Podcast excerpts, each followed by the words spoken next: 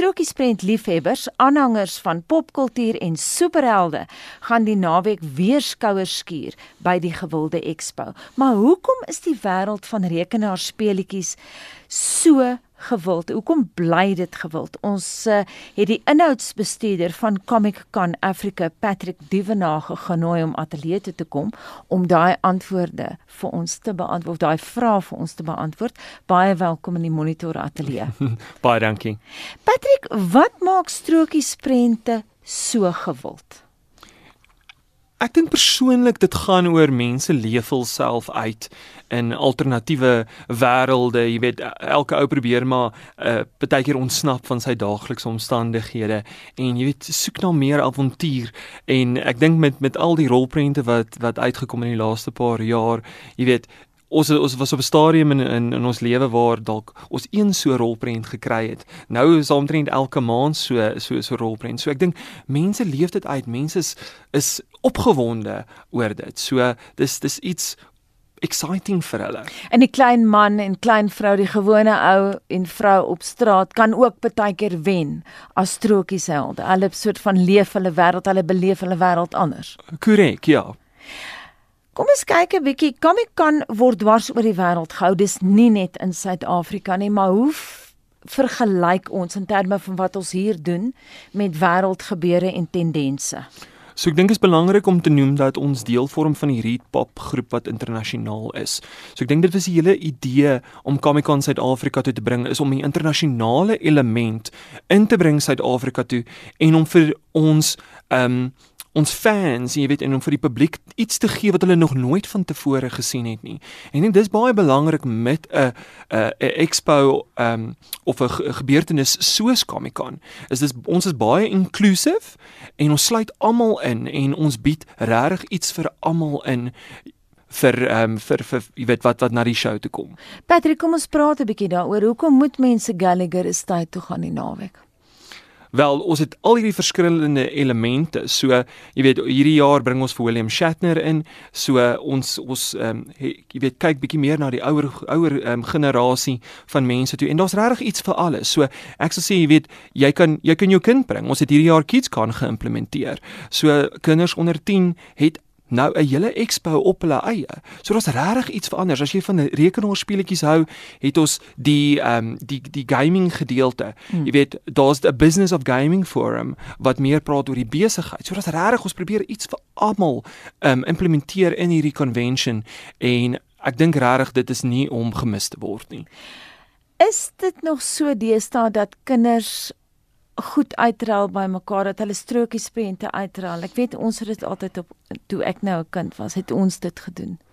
Ja, weet die ehm um, die comicboek industrie het nogals verskillende gedaanteverwisselings gegaan onder onder andere hierdie laaste paar jaar en hulle het nou 'n nuwe ding wat hulle noem 'n variant cover. So die inhoud is presies dieselfde, maar die buiteblad ehm um, word deur verskillende kunstenaars gedoen.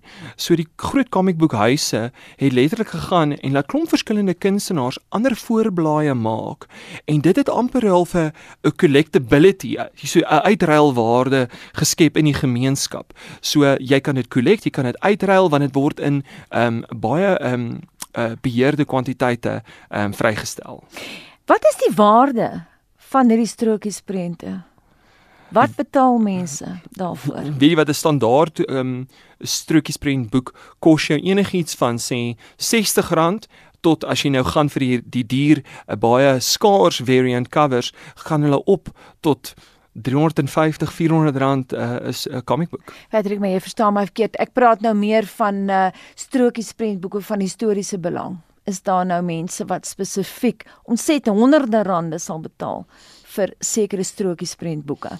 Natuurlik. Ek meen as jy gaan kyk na um, Amazing Fantasy wat uh, Spider-Man se eerste appearance was. Ek meen daai boek is miljoene dollars werd. So definitief as jy as jy 'n groot 'n uh, collector was um, en jy het dan van daai eerste weergawe ehm um, uh, gekollekt, is dit is dit redelik baie geld werd en dit dit dit raak net meer in in in waarde. Dit gee natuurlik ook die kans vir mense om te netwerk en vir aspirant kunstenaars en skrywers om hulle idees met die regte mense te deel. Dit is korrek en dit is ook een van die platforms um, wat ons wat ons skep.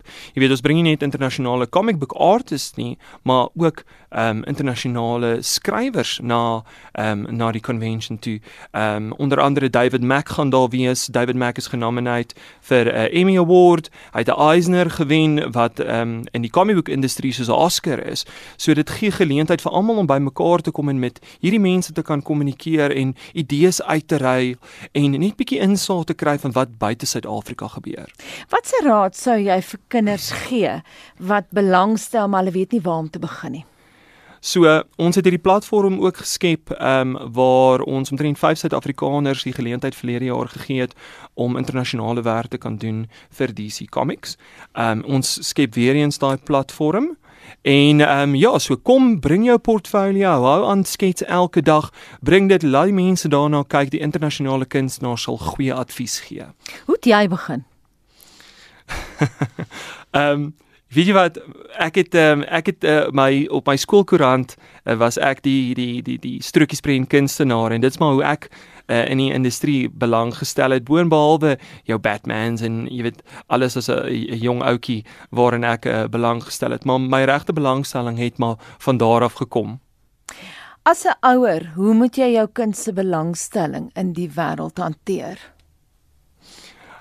Wel, ek dink omdat die industrie so oop is en omdat dit so 'n groot industrie is. Jy weet ek as 'n ouer self het twee dogtertjies wat absoluut mal is oor die industrie. Natuurlik die industrie het so groot geraak dat dit ehm um, amper kyker vir baie verskillende aspekte van van ehm um, van van mens wees. So ek dink mense moet dit nog steeds beheer en kontroleer en ek dink dis hoekom ons verskillende platforms het in Comic Con Africa self waar mens, jy weet jy as ouer kan self daai besluit maak, maar ek dink dis 'n inclusive ding en ek dink mense hou van helde. Mm. Jy weet dogtertjies wil graag Wonder Woman wees.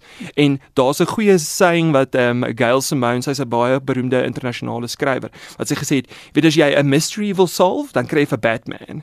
as jy ehm um, jy weet 'n uh, 'n komeet wil stop, dan kry jy vir Superman, maar as jy oorlog wil stop, dan kry jy vir Wonder Woman. Ja. Beter kan dit nie gesê word nie. Alle sterkte met die naweek se Comic Con. Dit is nou by Gallagher Estate en ek het ver oggend gepraat met Patrick Duvenage. Hy is dan die inhoudsbestuurder van Comic Con Africa.